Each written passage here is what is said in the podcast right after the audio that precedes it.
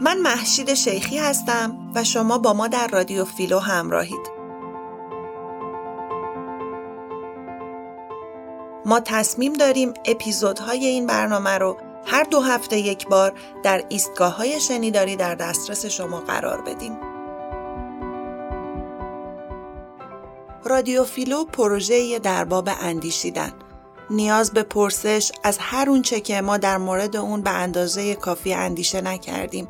به این معنی که شکاکیت و بنیاد شکنی رو پیشه نکردیم.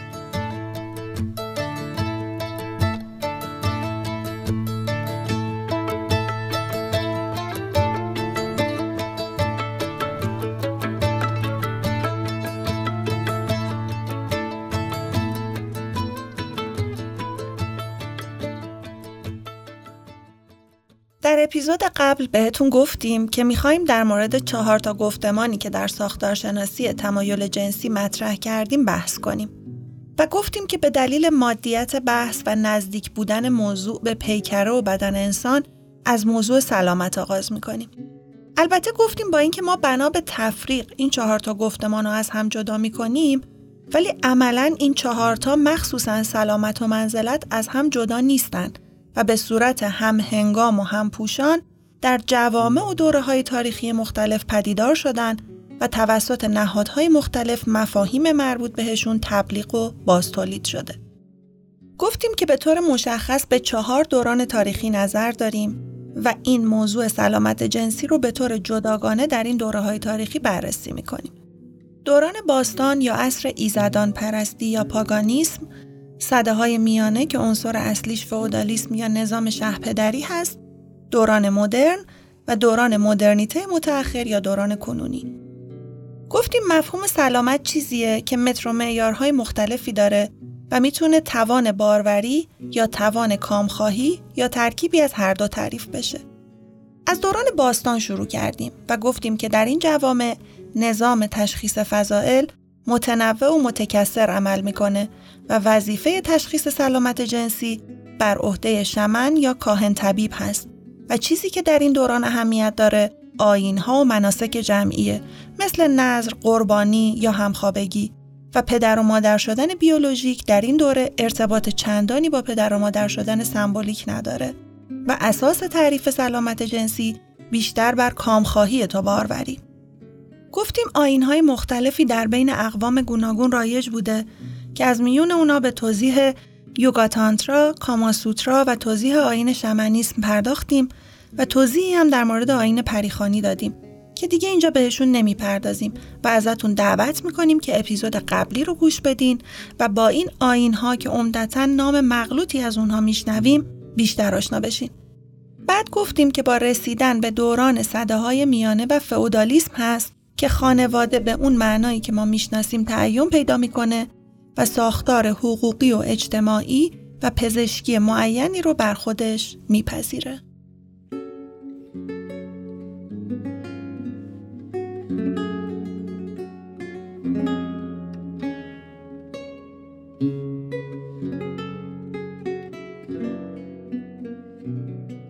من شهریار اشراقنیا هستم و در رادیو فیلو با شما همراهم.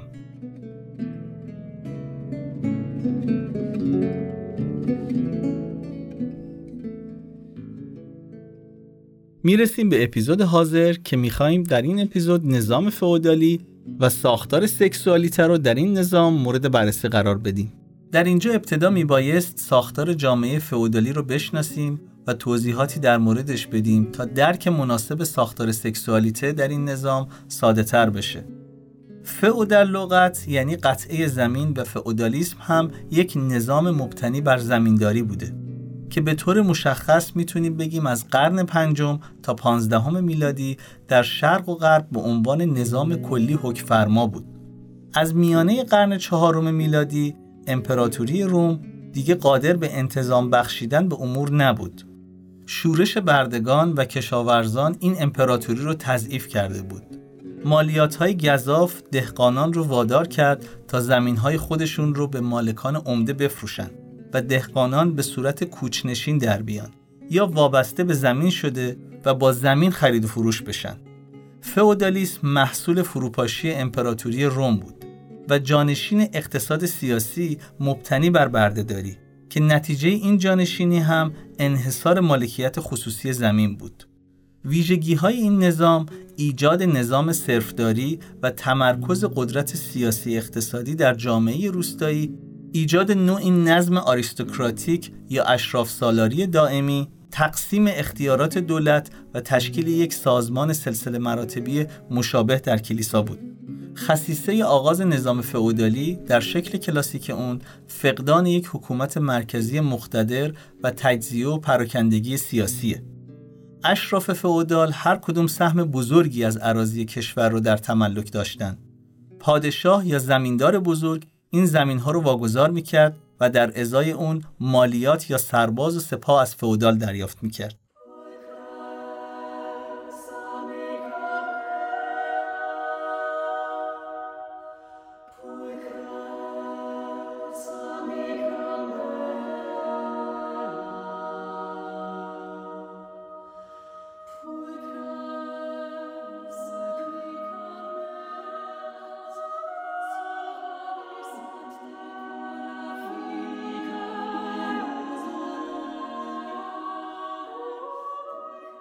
اروپای فئودال کسی که افراد رو اداره می کرد خاوند بود که در زبان لاتین او رو دومینوس، در زبان فرانسه سینیور، در زبان آلمانی هر یا ارباب و در انگلیسی لورد می گفتن.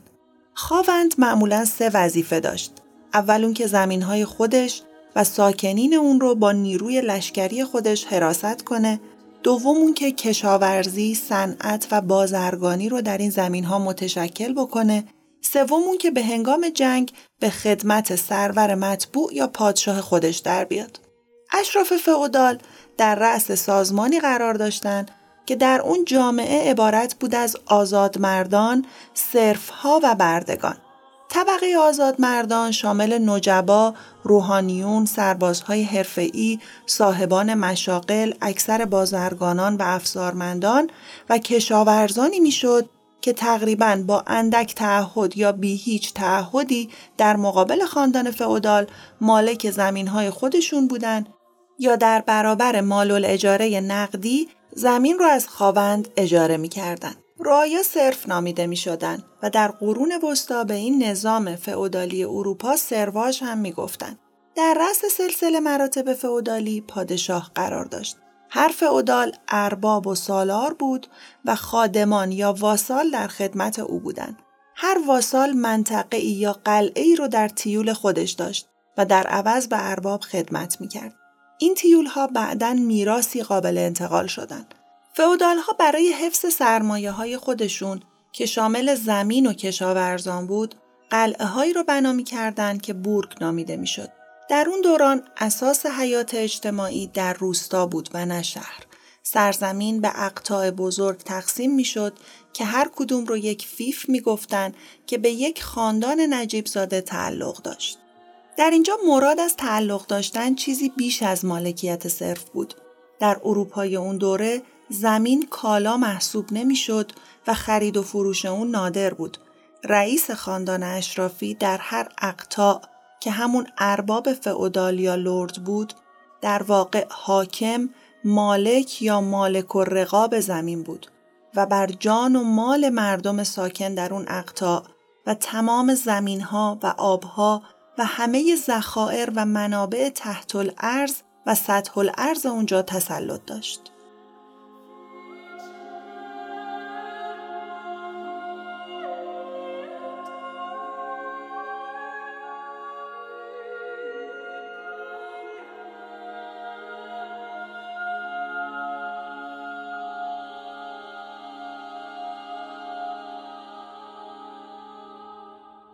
من امیر حسین ابراهیم هستم و در رادیو فیلو با شما همراه خواهم بود.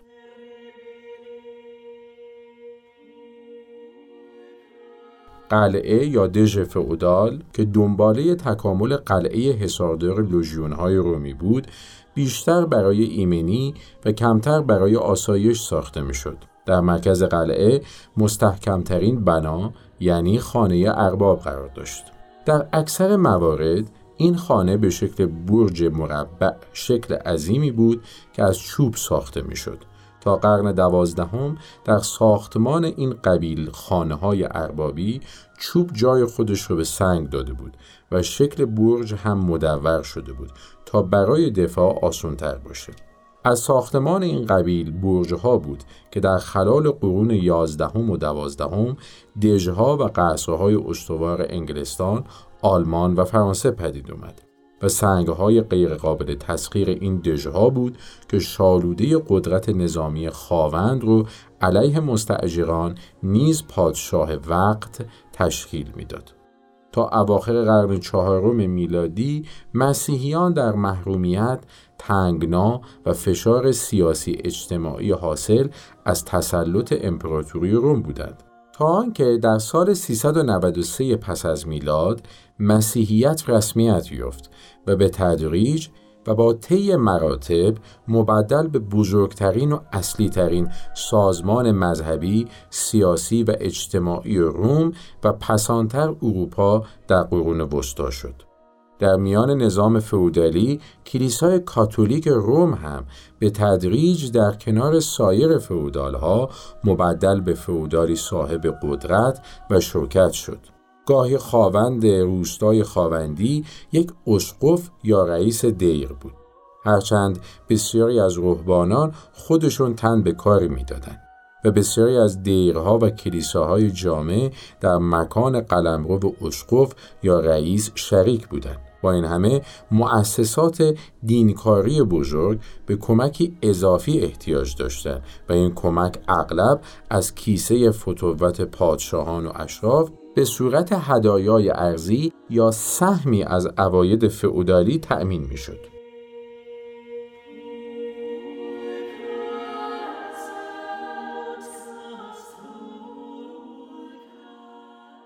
هنگامی که این هدایا متراکم شد، کلیسا بزرگترین ملاک اروپا و ارجمندترین سرور سروران فئودال به شمار اومد. دیر مشهور فولدا پانزده هزار دستگاه ویلا و دیر سنگالن دو هزار صرف داشت. آلکوین در تورکاونت دارای بیست هزار صرف بود. اسقفهای اعظم، اسقفهای میانی و رؤسای دیرها مناسب خودشون را از دست پادشاه می گرفتن. اونها مانند دیگر واسالها با پادشاه بیعت می و صاحب عناوینی مانند دوک و کنت می شدن. اونها سکه به نام خودشون می‌زدند بر محاکم کلیسایی و اسقفی ریاست می‌کردند و تمشیت امور کشاورزی و تدارک نظامی رو که از وظایف فئودالی به شمار می آمدند متعهد می شدند. اصل اساسی فئودالیسم عبارت بود از تعهدهای متقابل صرف یا واسال از حیث اقتصادی و نظامی در مقابل خواوند متعهد بود و به همین نحو خواوند در برابر سرور مطبوع یا خواوند عالی رتبه خودش و او هم به نوبت در برابر پادشاه. شاه خودش یک فئودال به شمار می آمد و مقامی تشریفاتی داشت و البته داور میان دعواهای فئودال ها دارایی های دنیوی حقوق و تعهدات فئودالی کلیسا در ایجاد مزایقه برای مؤمنان مسیحی سبب بدنامی نهاد کلیسا می‌شد. بهانه‌ای برای بدعتگذاران و خواستگاهی برای تشدید اختلاف میان پادشاهان و پاپها. فئودالیسم کلیسا را ملوک و توایفی کرد. درست و همون نفت که در قرن دوازدهم میلادی کلیسا سازمانی بود فئودالی و دارای سلسله مراتبی از تعهدهای خدمت و حمایت متقابل که مورد تصویب اسقفان قرار می گرفت و زیر نظر سرور سرورانی چون شخص پاپ اداره می شود.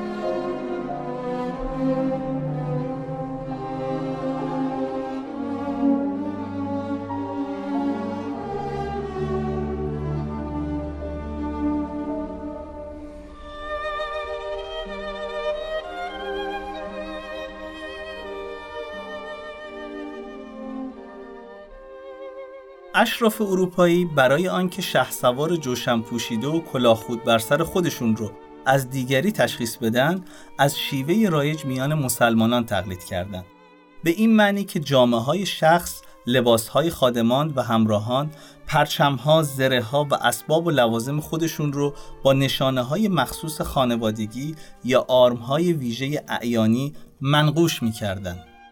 از این پس میون خانواده های نجبا زبان محرمانه خاصی پدید اومد که فقط شهسواران و کسانی که کارشون نظارت در بخشیدن نشانها و آرمهای خانوادگی نجبا و شجره اونها بود اون رو میفهمیدن بعدا خواهیم دید که این آرمها و نشونه ها چگونه به عنوان نماد در میان مجامع مخفی پرچمهای دول اروپایی نمودار شدند. کسانی که مایلن در این مورد بیشتر مطالعه کنند کتاب سالکان ظلمات ژان کلود فرر ترجمه دکتر هوشنگ سعادت انتشارات صفی علی شاه رو بهشون معرفی می‌کنیم.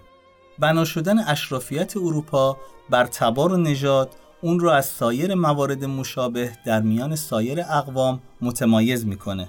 مفهوم اشرافیت یا آریستوکراسی چنان که از آرای افلاتون و ارسطو در باب حکومت اشرافی برمیاد اصالتا بر تبار و نژاد والا اطلاق میشه. معمولا از سه نوع اشرافیت در تاریخ اروپا سخن گفته شده. یکی اشرافیت تبار از نوع اشرافیت سنتی فرانسه قبل از انقلاب دوم اشرافیت نظامی مثل اشرافیت پروس و سوم اشرافیت دیوانی که مقامشون مبتنی بر مناسبی بود که به طور مروسی از جانب حکام به اونها واگذار می‌شد مانند بخشی از اشرافیت حاکم در فرانسه در کشورهایی که دارای اشرافیت نیرومند بودند حتی حق تغییر شاه یا دودمان سلطنتی از امتیازات اشرافی به حساب می اومد. طبقه اشراف با قدمت چند صد ساله می‌تونستند به خوبی حافظ اقتدار و استحکام نظام باشند. جریان اشرافیت فئودالی با درگیر شدن اروپای مسیحی در جنگ‌های دراز مدت صلیبی صورتی دیگه پیدا کرد. این واقعه باعث بروز پیچیدگی ویژه‌ای در این نظام شد. اگرچه پیش از این عموم فودال ها برای حمایت از قلمرو خود از قوای نظامی مخصوص به خود و سواران و افراد مسلح نگهداری می‌کردند و در هنگام درگیری ها وارد جنگ می شدن اما چنان که خواهیم دید جنگ های دیویست ساله صلیبی صورت جدیدی از سواران رو وارد میدان مناسبات اجتماعی سیاسی اروپا کرد.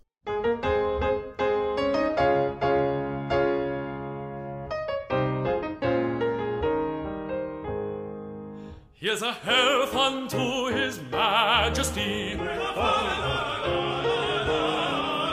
Confusion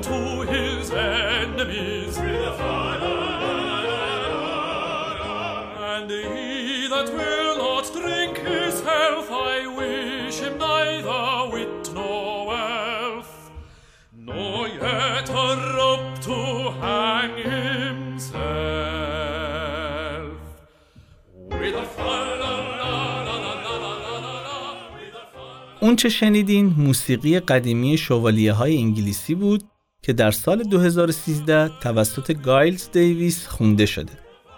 می نوشم به سلامتی شعن والای الله حضرت به سلامتی هرج و مرج و آشوب برای دشمنانش. به کسی که به سلامتی اون ننوشد برایش نه خرد آرزو می کنم و نه ثروت و نه حتی تنابی که با آن خود را بیاویزد. سواران از شما خواهش می کنم که به یکدیگر بپیوندید. تا جام وفاداری را بنوشید. اگر کسی هست که به این دعوت دست رد می‌زند تنها آرزویم برایش این است که با اسبی چموش به خرابه های عریها برود.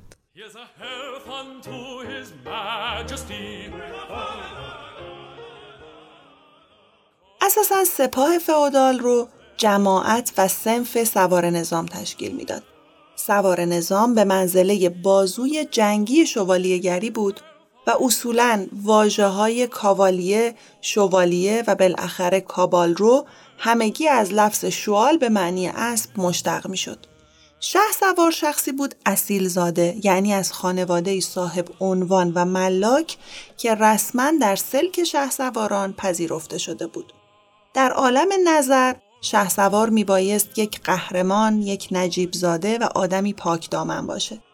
کلیسا از نظر اشتیاقی که به رام کردن جانوران وحشی دوپا داشت بنیاد شهسواری رو با یک رشته سوگندها و آداب مذهبی در هم آمیخت.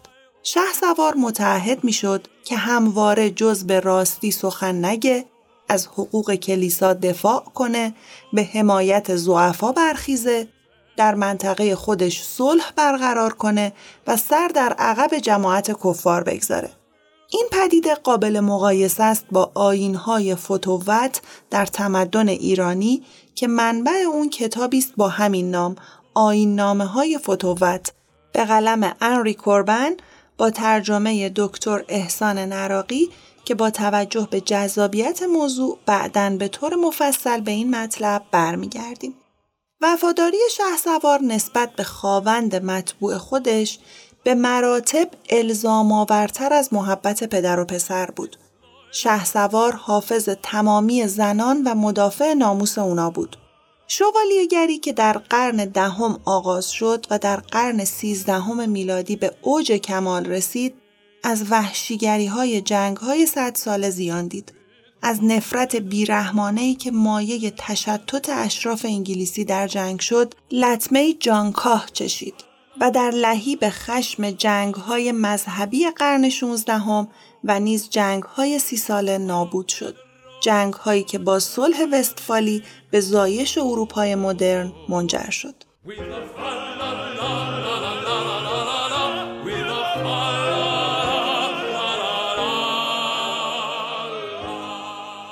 هشت دوره طولانی جنگ های صلیبی جماعت بزرگی از شهسواران، ها و واسالها رو در اوج حوادث قرون وسطا به میدان رویارویی با مسلمونا کشید. آمرزشنامه مخصوص پاپ اوربانوس برای شرکت کنندگان در جنگ بخشش مالیات ها توسط پادشاهان بخشش گناهکاران و زندانیان آزاد شده باعث شده بود تا جمع کثیری از ولگردان هم به این قافله مقدس بپیوندند. افرادی که از فقری ناگزیر به امان اومده بودند. ماجراجوهایی که حاضر بودند تن به مخاطرات بدن. پسران کهتری که امید تهیه تیول نشینهایی رو در مشرق زمین در سر می بازرگانانی که به دنبال بازارهای جدید برای کالاهای خودشون بودن. شه سوارانی که با عظیمت صرفهای خودشون به جنگ خودشون رو دست تنها می دیدن. مردمان کمرویی که از زخم زبان اطرافیان و تهمت ترسویی احتراز داشتند همگی به جماعتی از مؤمنان واقعی پیوستند تا سرزمینی رو که محل ولادت و وفات عیسی مسیح بود نجات بدن.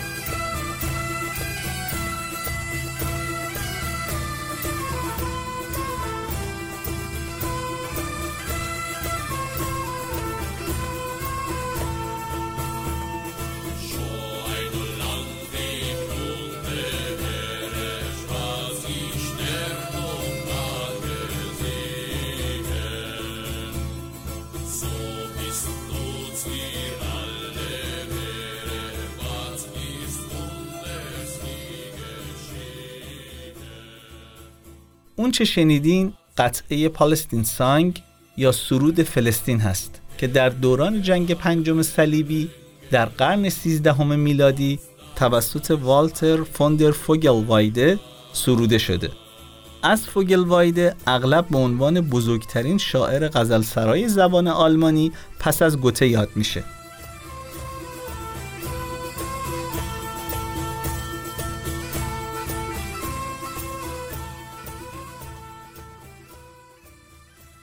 اکنون برای اولین بار است که زنده ام.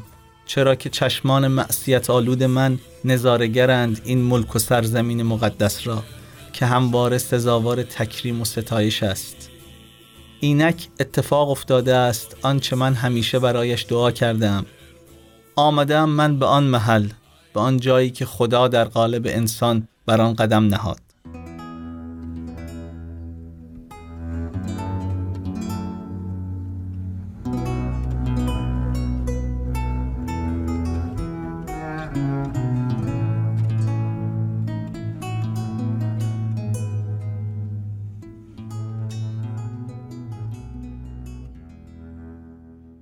جنگ های صلیبی پیامدهای فراوانی رو در شرق و غرب جهان بر جای گذاشت. ثروت های مادی و فرهنگی بیشماری از شرق به سوی غرب سرازیر و تغییرات اجتماعی بسیاری رو سبب شد. به ویژه اشراف و شه سواران از این رهگذر صاحب ثروتی باد آورده شدند. ثروتی که در سالهای پسین سبب نفوذ این گروه در ساختار سیاسی اجتماعی اروپا و به ویژه انگلستان و ایجاد تغییرهای جدی شد. این واقعه به نظام اشرافی یا اریستوکراسی اروپا و به خصوص انگلستان هم رنگ و بویی جدید داد. بر اساس این ساختار جامعه انگلیس به دو گروه لردها یا اشراف و عوام تقسیم می شد.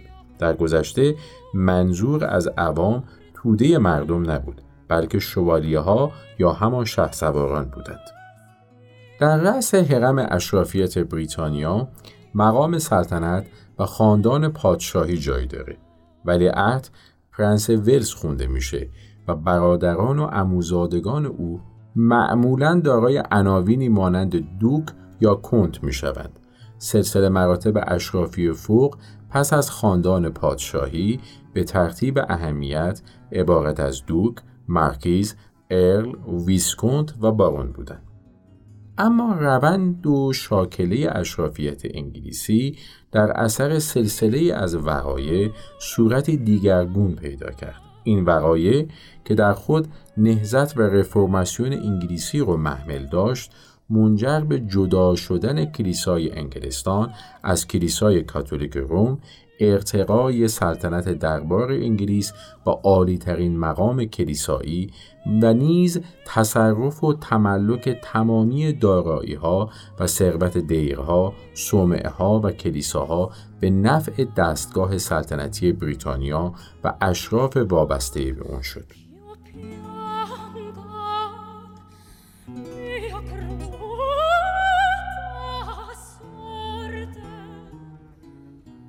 این رفرماسیون یا نهزت نوزایی از دوران هنری هشتم پادشاه انگلیس از 1509 تا 1547 آغاز شد و از اون به عنوان رفرماسیون یا رنسانس انگلیسی یاد میشه که در این مورد و وقایع پسین در مجاری دیگه و در موضوع مرتبط به اون عصر سخن خواهیم گفت.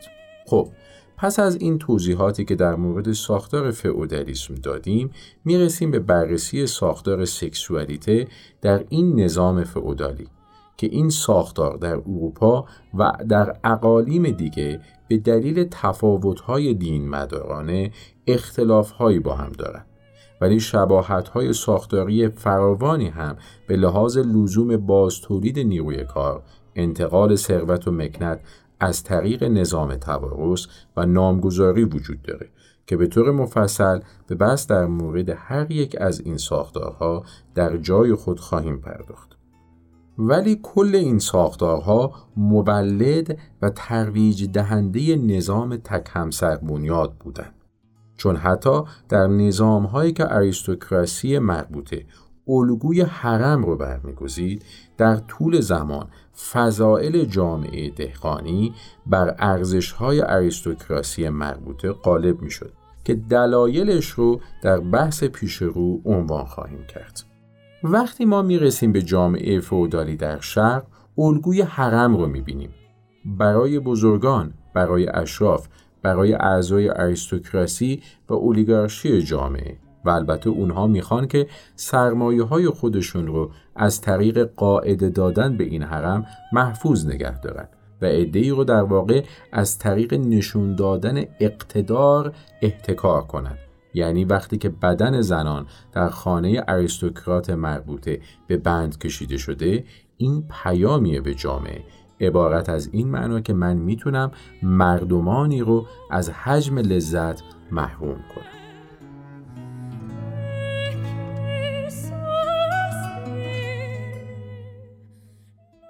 بدن و پیکری اجتماعی این زنی رو که مرکز باروری و زایندگی به شمار میاد رو به خودم اختصاص بدم و با این پیام دارم به شما اعلام می‌کنم که من نه فقط فعودال و زمیندار بلکه تعیین کننده حدود و مرزهای لذتخواهی شما هم هستم.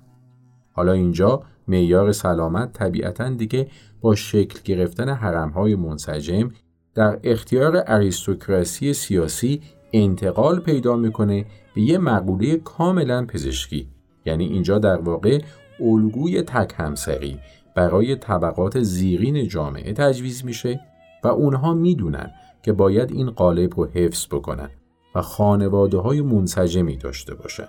پرده پوشی و هجاب اهمیت پیدا می‌کنه چون می‌دونن زنی که خودنمایی می‌کنه به زودی توسط اریستوکرات محلی ممکنه که مصادره بشه. بنابراین اینجا غیرت نگه داشتن زن در پرده توجه نشان دادن به بدن زن به عنوان بخشی از مالکیت خانوادگی اهمیت چشمگیر پیدا می‌کنه و متر و میزان سلامت در اینجا اینه که باروری اتفاق بیفته و اولادی که از این باروری حاصل میان سلامت لازمه رو داشته باشن یعنی بتونن مکنت همون خانواده دهقان محدود رو تا اندازه‌ای تداوم و استقرار ببخشند و در واقع نانخور اضافه به مفهوم آمیانه کلمه به شمار نیاد.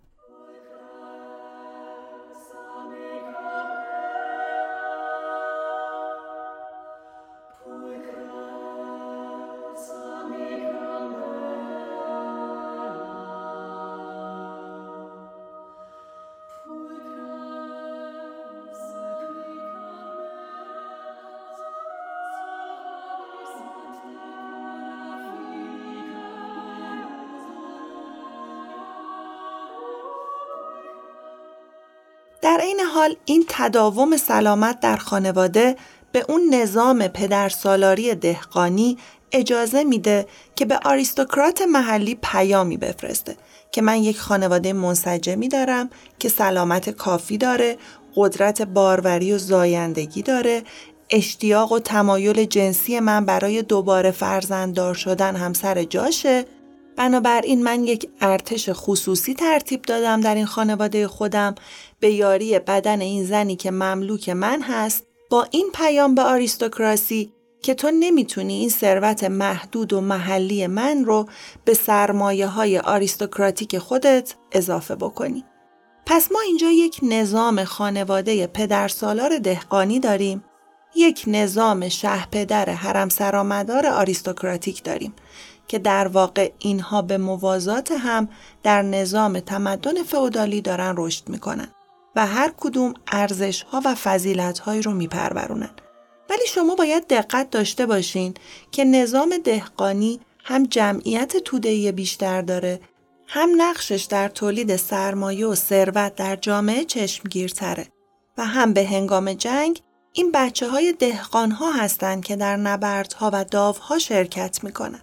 بنابراین طبیعیه که به تدریج فضائل پدر سالارانه دین مدار تک همسر بنیاد دهقانی بر نظام حرم سرادار اشراف سالاری تدریجا غلبه می‌کنه و یک تفوق دینی و در عین حال اخلاقی اتفاق میفته که عوارض خودش رو در اون نظام سلامت نشون میده.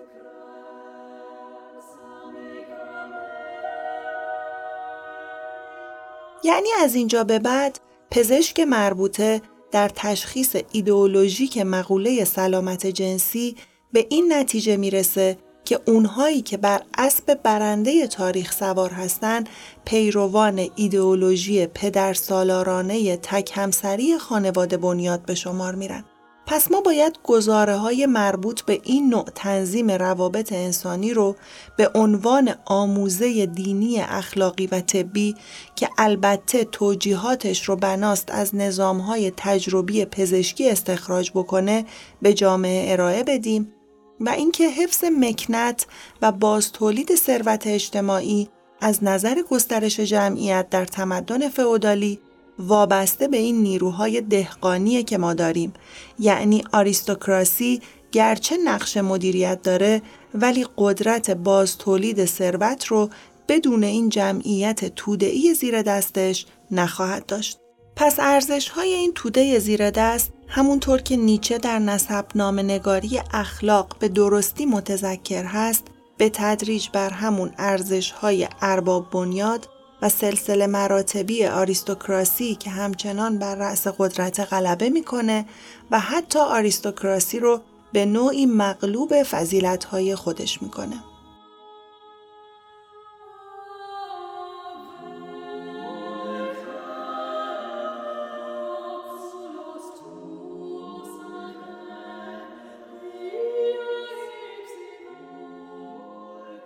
چون اینجا نسبت میان استمرار تمایل جنسی در باز تولید و گسترش تولید مثل و افزودن به جمعیت نیرویی که قادر این نظام پدرشاهی فعودالی رو تداوم ببخشه از سوی دیگه نظام اجتماعی که قادر هست به هنگام جنگ جمعیت سالم رو بسیج بکنه به اون نظام و گفتمان پزشکی و طبیبانه جامعه این پیام رو میرسونه که ارزشها و فضائل استوار برای تنظیم های رفتار جنسی در جامعه از چه قرار هستند.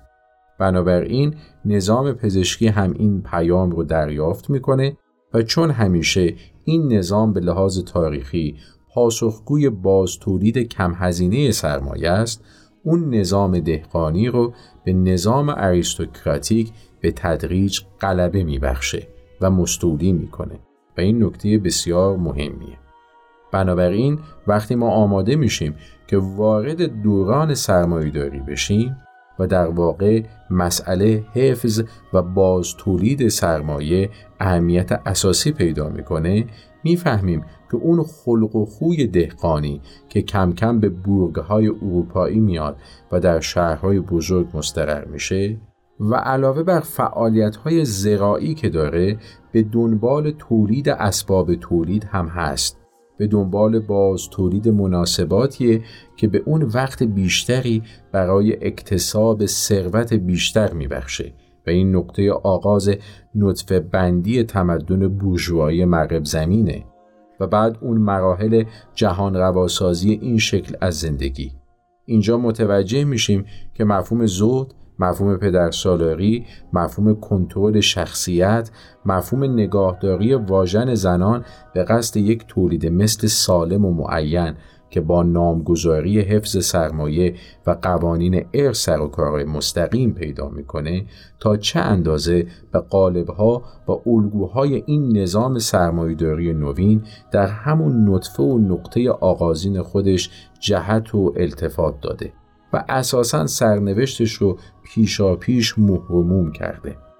یعنی تا زمانی که ما با جامعه مصرف مواجه بشیم و نیازی به این الگوی دینمدار و زهد و سالار آغازین سرمایهداری نداشته باشیم این اخلاق زاهدانهی که سرمایهداری رو آغاز کرده و اصلا باعث تولد اخلاقی و حقوقی این نظام شده کماکان به حیات خودش ادامه میده.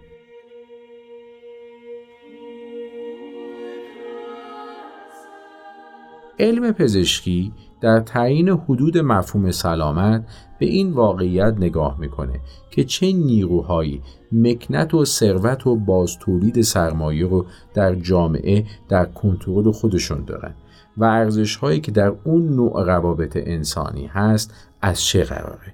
دقیقا همین ارزش ها توجیه بالینی و پزشکی پیدا می‌کنن و گفتمان طبیبانه سعی می‌کنه با یک نوع خلق و خو ادبیات و رتوریک ظاهر بیطرف اون نوع فضائل اجتماعی خاص رو با زبان و ادبیات خاص پزشکانه خودش به جامعه تزریق و تجویز بکنه. بنابراین اگر ما بخوایم ساحت تعیین و تشخیص حدود سلامت رفتار جنسی رو تشخیص بدیم بر اساس یک الگوی ساختنگر در دوران پاگانیسم ما نظام آینهای لذتخواهی و باروری رو داریم. و ساختار تشخیص اینجا کهانته و تبابت در دل کهانت جای می‌گیره. بعدتر در تمدن فئودالی آین خصوصی کامخواهی محدود و لزوم باروری، نامگذاری و تداوم تبارش رو داریم. و معیار تشخیصش از نظر طبی دیگه بر عهده گفتمان پزشکیه و از نظر تنظیم قوانین ارث و غیر و به عهده دینکاران و در واقع بر دوش اولیای مذهبی جامعه قرار می‌گیره.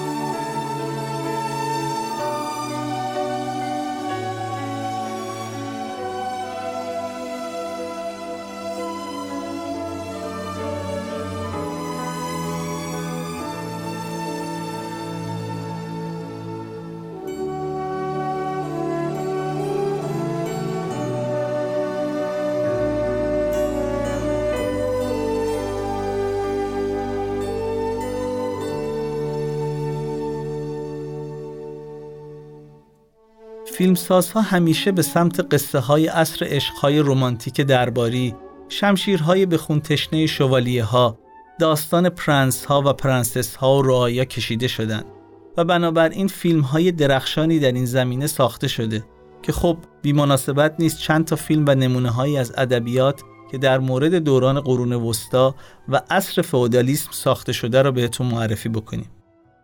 فیلمساز معروف ایتالیایی پیر پاولو پازولینی از فیلمسازهایی که به این موضوع پرداخته. پازولینی در 1922 در بولونیا به دنیا اومد و تا سال 1975 زندگی کرد. اون از فیلمسازهای نسل دوم سینمای بعد از جنگ ایتالیاست که علاوه بر فیلمسازی در نوشتن رمان، شعر و نقدهای سینمایی و فرهنگی هم دستی داشته. بسیاری از فیلم های پازولینی اقتباس های مدرن از آثار کلاسیک ادبی جهان هستند. آثاری مثل اودیپ شهریار، مدعا، دکامرون، قصه های کنتربری و شبهای عربی. آخرین فیلم پازولینی قبل از مرگ فیلمیه به نام سالو یا 120 روز در صدوم که پازولینی فیلمنامه اون رو با کمک رولان بارت بر اساس داستان غریب و پورنوگرافیک مارکی دوساد نوشته که بیانیه علیه اخلاق فاشیستی و منش سرمایه‌داری ایتالیا در اون دورانه. چیزی که ما می‌خوایم بهش بپردازیم سه‌گانه زندگی یا Trilogy of Life پازولینیه که شامل فیلم های دکامرون، قصه های کنتربری و شبهای عربیه که هر کدوم برگرفته از یک اثر ادبی کلاسیک مربوط به فرهنگ های مختلف هستند که در ادامه بهتون معرفی می‌کنیم.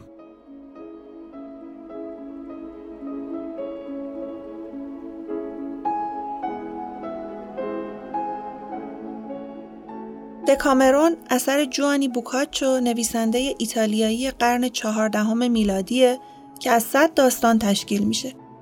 بوکاچو این کتاب رو به سبک هزار و یک شب نوشته و مواد خام این قصه ها رو از افسانه های یونانی، رومی و کشورهای مشرق زمین و گاه از زندگی روزمره مردم گرفته. اون این کتاب رو بلافاصله پس از شیوع تاون سال 1348 در فلورانس نوشت. چارچوب اصلی دکامرون رو هفت زن و سه مرد تشکیل میدن که برای گریز از بلای تاون فلورانس رو ترک کردن و به خونه های ییلاقی اطراف شهر پناه بردن. و در اونجا برای اینکه ذهن خودشون رو از این واقع منحرف کنن به قصه گویی برای همدیگه می‌پردازن و چون خلق و خوی داستانگویان متفاوته داستانها بسیار گیرا و دارای تنوع بسیاره. دکامرون یک اثر تمثیلی قرون وسطایی که بیشتر به خاطر داستانهای حرزه عشقی در تمامی انواع ممکن شهوانی و غمانگیز اون شناخته شده. فرای سرگرمی و شهرت ادبی، دکامرون یک سند مهم تاریخی از زندگی در قرن چهاردهم بوده و نویسندگان بعدی مثل جفری چاسر رو تحت تاثیر قرار داده. این کتاب بعدها در ادبیات برخی کشورها از جمله انگلستان مورد اقتباس و تقلید قرار گرفت. بسیاری از نویسنده ها از جمله شکسپیر از قصه های اون در نوشتن نمایشنامه های خودشون استفاده کردند. اسم کتاب یعنی دکامرون الحاقی از دو کلمه یونانی ده و روز هست. ساختار دکامرون به قالب یک روایت در سال 1351 و یا به روایتی دیگه در سال 1353 به پایان رسیده. کتاب با شرحی از طاعون یا مرگ سیاه شروع شده و همونطور که گفتیم به معرفی هفت زن و سه مرد جوون می‌رسه که به مدت دو هفته از فلورانس طاعون زده به دهاتی در حواشی فلورانس فرار می‌کنن. برای گذر زمان هر شب هر یک از اعضا داستانی رو تعریف می‌کنه. اگرچه چهارده روز میگذره دو روز در هر هفته برای کارهای دیگه اختصاص پیدا می‌کنه. یک روز برای وظایف و یک روز مقدس که هیچ کس در اون روز هیچ کاری نمی‌کنه. بدین ترتیب در پایان ده روز صد داستان تعریف میشه. هر کدوم از شخصیت ها به نوبت برای یکی از اون ده روز به عنوان شاه یا ملکه انتخاب میشه. وظیفه شاه یا ملکه شامل انتخاب موضوع داستان برای اون روزه و موضوعات همه روزها به استثنای دو روز معین میشن. قدرت دارایی، قدرت خواست آدمی، داستانهای عاشقانه که غمانگیز به پایان می‌رسند، داستانهای عاشقانه که پایانی خوش دارند، پاسخهای هوشمندانه که جان یک سخنگو رو حفظ می‌کنن، حقه هایی که زنان به مردان می‌زنن، حقه هایی که مردم به طور عام به هم می‌زنن و داستانهایی از افت. فقط دایونیو که هر روز داستان دهم رو میگه به خاطر ذکابتی که داره حق اونو داره که هر داستانی که می‌خواد تعریف کنه. کتاب دکامرون با ترجمه محمد قاضی توسط نشر مازیار منتشر شده.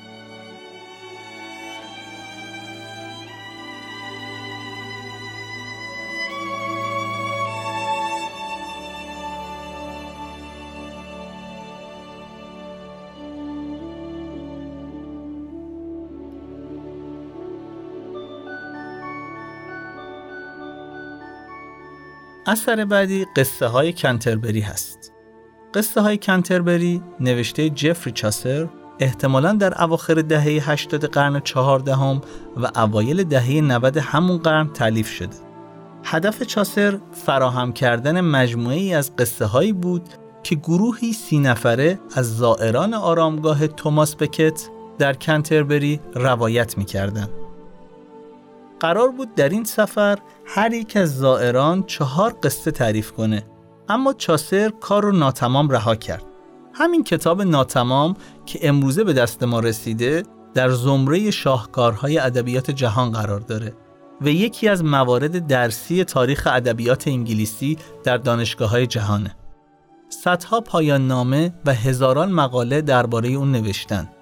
کتاب قصه های کنتربری شامل 23 داستان و یک بخش استغفاری است که در اون عذرخواهی کرده که اگر بر قلمش صحوی رفته بر او ببخشید.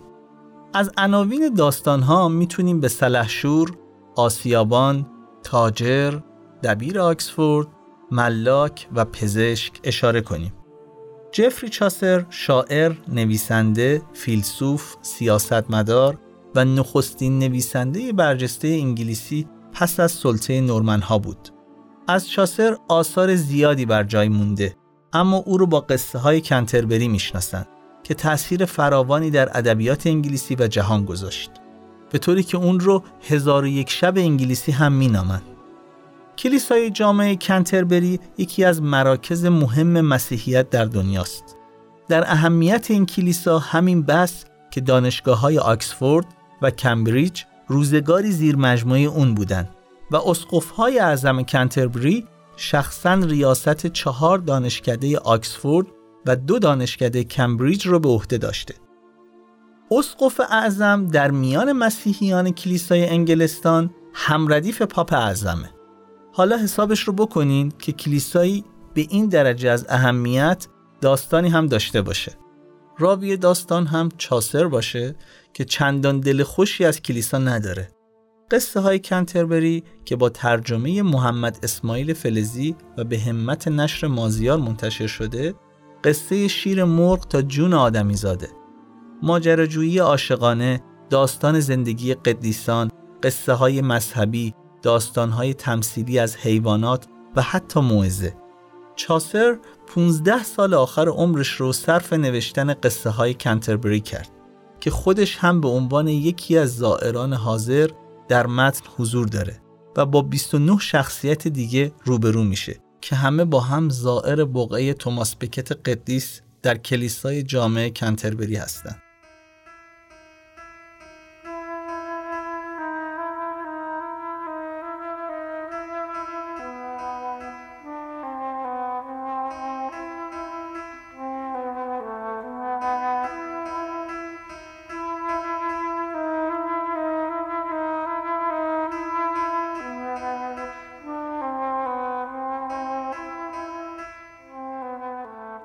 توماس بکت قدیسی بوده که شوالیه های تحت امر پادشاه اونو به قتل میرسونن و مزارش در کلیسای جامع کنتربری به زیارتگاه مردم تبدیل میشه. چاسر سفر گروه زائران رو بهانه روایت می‌کنه تا داستان بگه و مردم زمانه خودش رو هم معرفی کنه. توی پرانتز بگیم که قتل در کلیسای جامع نمایش نامه ای از تی اس الیوت که ترور اسقف اعظم توماس بکت در کلیسای جامع کنتربری رو در سال 1170 توصیف می‌کنه که نخستین بار این نمایشنامه در سال 1935 اجرا شد.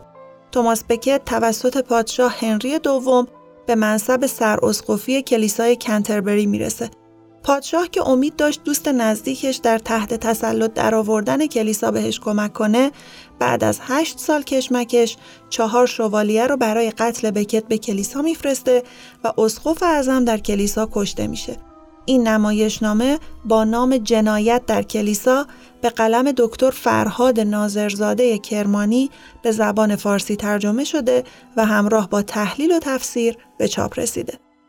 برگردیم به داستان خودمون. صاحب مهموخونه که زائران در اون جمع شده بودن پیشنهاد میده همه زائران برای گذران وقت در طول راه قصه بگن و از همینجاست که چاسر توصیف شخصیت ها رو شروع می‌کنه. از سلحشور گرفته تا شخمزن و آسیابان و از داروغه گرفته تا راهب و بازرگان و قاضی و البته کشیش ها و راهب های مختلف که یکیشون حتی آمرزش فروشه. در قصه های کنتربری مردان و زنانی از طبقه های مختلف نقش قصه گویی رو بر عهده می گیرن و رفتارها و اظهار نظرهای اونا سرنخهای زیادی درباره روش زندگی و خلق و خوی مردم اون زمونه به خواننده میده. مثلا قصه اول و سلحشور یا شوالیه تعریف می‌کنه که از طبقه اشرافه و قرار بر این میشه که بعد از اونم راهب قصه بگه اما آسیابان که از طبقه پایین جامعه است خودش رو وسط میندازه تا قصهش رو تعریف کنه. طرح اصلی چاسر این بود که هر کدوم از شخصیت های حاضر چهار تا داستان بگن. دو تا در راه رفتن به زیارت و دو تا در راه برگشت. با این حساب باید 120 تا داستان در این اثر نوشته می‌شد. اما متن موجود به زبان انگلیسی 24 تا حکایت بیشتر نیست.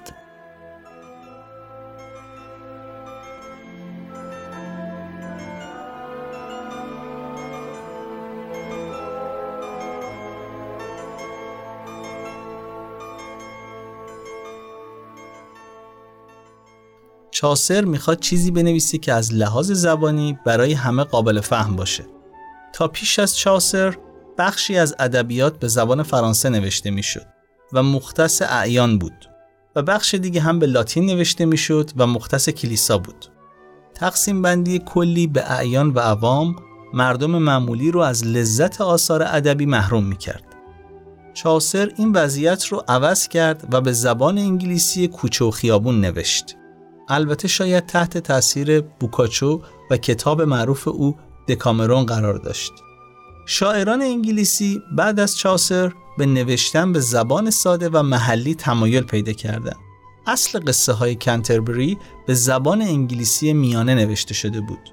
گذشته از زبان چاسر در قصه های کنتربری به یک بود اجتماعی دیگه هم توجه داشته و اون هم توصیف ظاهر مردم دوران و زمان است.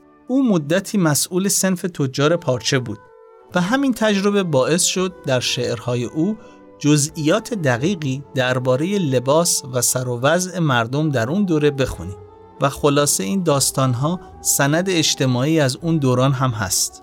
او در دورانی زندگی می کرد که تنشهای زیادی در جامعه انگلیس وجود داشت. در دوران کودکی اون تا اون یا مرگ سیاه در انگلیس شیوع پیدا کرد.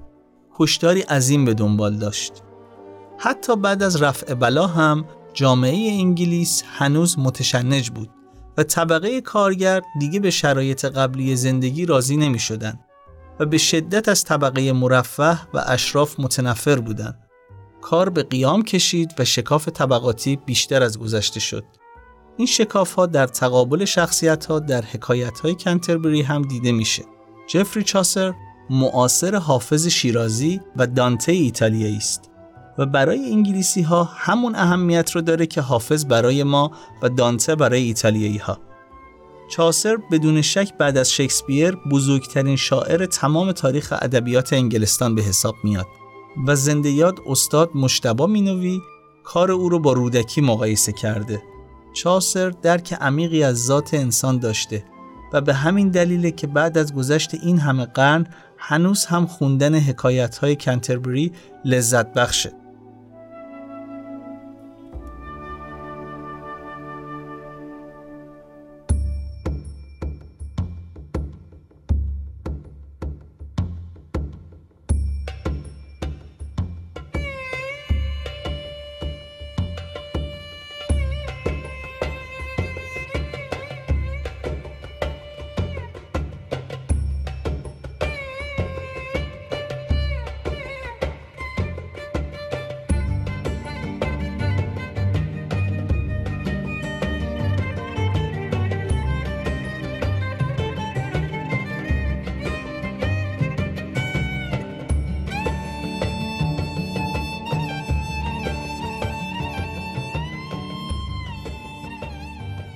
می‌رسیم به اثر بعدی یعنی شبهای عربی که برگرفته از کتاب هزار و یک شبه.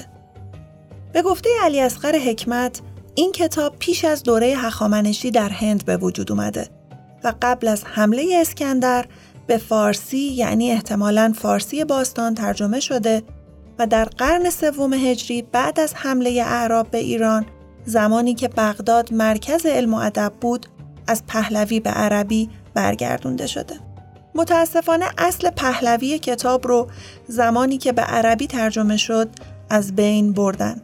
نام ایرانی اون هزار افسان هست و وقتی به عربی ترجمه شده الف لیله خوانده شده و چنان که حکمت میگه در زمان خلفای فاطمی مصر به صورت الف لیله و لیله هزار شب و یک شب در اومده. پس کتاب هزار و یک شب به سه نسخه تقسیم میشه. نسخه هندی که پیش از دوره هخامنشی به زبان سانسکریت نوشته شده، نسخه ایرانی که ترجمه ای از نسخه سانسکریت به فارسی باستانه و نسخه عربی که در دوران هارون الرشید از زبان پهلوی به عربی ترجمه شده. میشه گفت در تمام ترجمه ها تعدادی داستان جدید بهش اضافه شده. بهرام بیزایی از کسانی که در این زمینه کار کرده در جواب به شرق شناسانی که ریشه هزار و یک شب رو به اعراب و یونانیان نسبت میدن اما از ایرانی بودن اون سخنی به میون نمیارن چنین میگه. هزار و یک شب اصلیتی ایرانی داره چرا که داستان اصلی یا داستان بنیادین اون ایرانیه و اون قصه خود شهرزاده. داستان اصلی یا به قول بیزایی داستان بنیادین اینطوریه که دو شاهزاده برادر به نامهای شهریار یا شهرباز و شاه زمان مورد خیانت زنان خودشون قرار می گیرن. شاه زمان ترک پادشاهی می‌کنه و راهی دیار برادر میشه و شهریار هم به انتقام خیانت همسرش هر شب دختری رو به نکاح در می آورد و بامداد دستور قتلش رو می‌داد تا اینکه دیگه دختری در شهر نمیمونه. وزیر شهریار که دو دختر به نامهای شهرزاد و دنیازاد داشت و به شدت نگران این قضیه بود به پیشنهاد شهرزاد او را به عقد پادشاه در میاره. شهرزاد همون شب به شهریار میگه که خواهری داره که هر شب با قصه های اون به خواب میره و درخواست می‌کنه که همون شب خواهرش رو به قصر بیارن تا برای آخرین بار براش قصه بگه. دنیازاد میاد و شهرزاد قصه گویی رو آغاز می‌کنه. شهریار هم که مسهور این قصه شده بود مهلت میده که فردا شب ادامه قصه رو بشنوه و بنابراین کشتن شهرزاد رو موکول به بعد می‌کنه و این قصه گویی ها هر شب ادامه پیدا می‌کنه.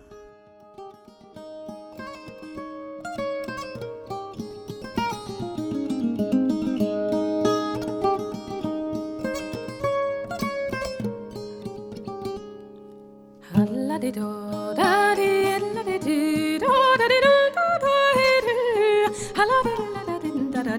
da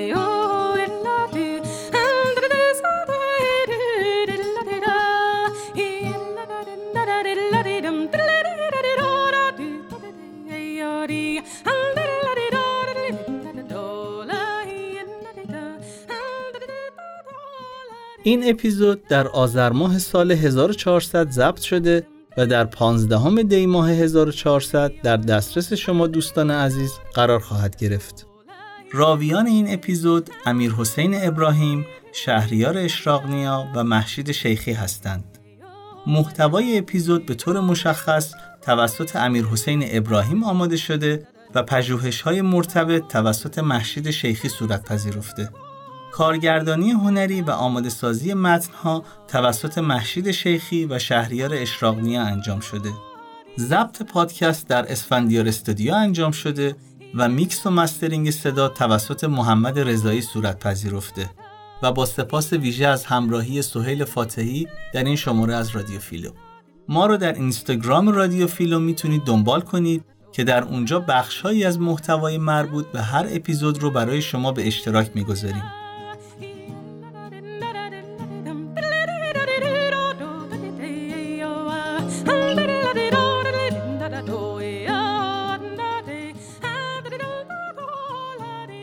فیلوآنالیز کوچ است. با ما در این کوچ همراه باشید تا با هم آن را به پایان برسانیم.